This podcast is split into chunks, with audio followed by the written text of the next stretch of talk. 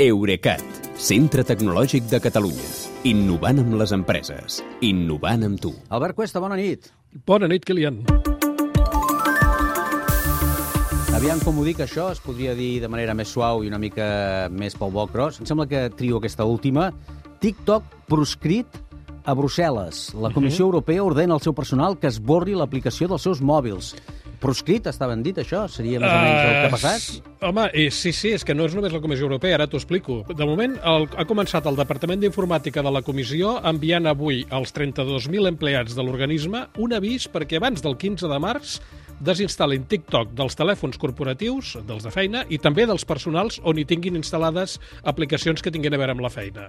A qui no ho faci, a qui no la desinstal·li, eh, li tallaran l'accés a la bústia de correu electrònic de feina i al servei Skype for Business, que és la plataforma, diguem-ne, oficial de missatgeria i videotrucades. Com a alternativa, si volen conservar TikTok i només el mòbil personal, és clar, n'han d'esborrar totes les aplicacions oficials de la comissió que hi tinguin. Llavors de, no el poden fer servir per treballar. Ja. Uh, I com et deia, aquesta al·lèrgia a TikTok no afecta només la Comissió Europea, perquè travessant el carrer a Brussel·les hi ha el Consell Europeu, que poques hores després ha notificat també als seus 3.100 empleats la mateixa prohibició de fer servir TikTok. En els dos casos, els serveis d'informàtica ho justifiquen dient que després d'haver-s'ho mirat molt, han arribat a la conclusió de que l'aplicació de TikTok representa un risc de seguretat de ciberseguretat considerable per les institucions europees.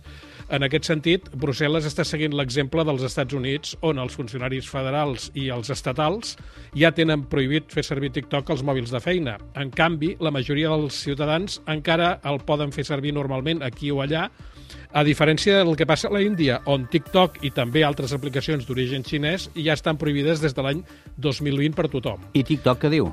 Uh, com és natural, uh, TikTok diu que les acusacions aquestes de Brussel·les no estan justificades, uh, lamenten que la comissió no els hagi avisat d'aquesta mesura que volien prendre i s'ofereixen a explicar com protegeixen les dades dels 125 milions d'usuaris mensuals que TikTok té a Europa.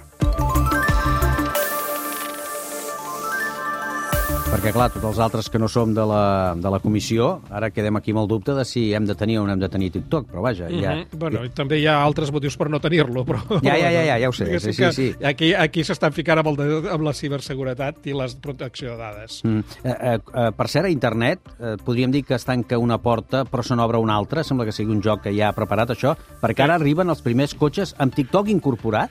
Sí, eh, Mercedes-Benz ha anunciat que els nous cotxes de la seva classe E sortiran aviat amb una nova versió del sistema MBUX d'entreteniment a bord, la pantalla, que portarà de sèrie instal·lades aplicacions com Zoom, Angry Birds, Cisco Webex, el navegador web Vivaldi i, efectivament, TikTok.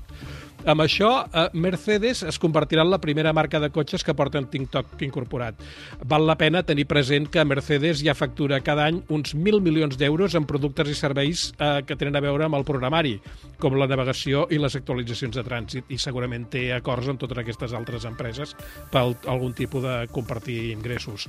Dit això, eh, ja s'entén que els conductors només podran fer videoconferències o jugar a videojocs i mirar vídeos de gent ballant mentre el cotxe estigui estigui aparcat, no mentre ja circula. s'entén, ja, ja s'entén, però no està de més que ho diguis. per si bé, algú eh? no ho havia entès. Per si algú no ho havia entès.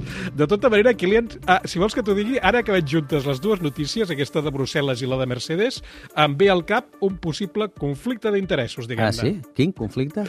Doncs eh, què passarà quan la Comissió Europea o el Consell Europeu o el Congrés dels Estats Units comprin Mercedes classe E per fer-los servir com a cotxes oficials? Ah.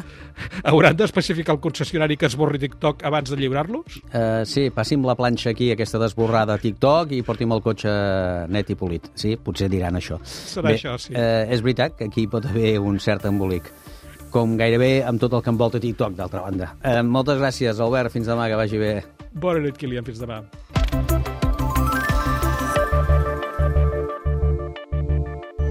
Eurecat, centre tecnològic de Catalunya.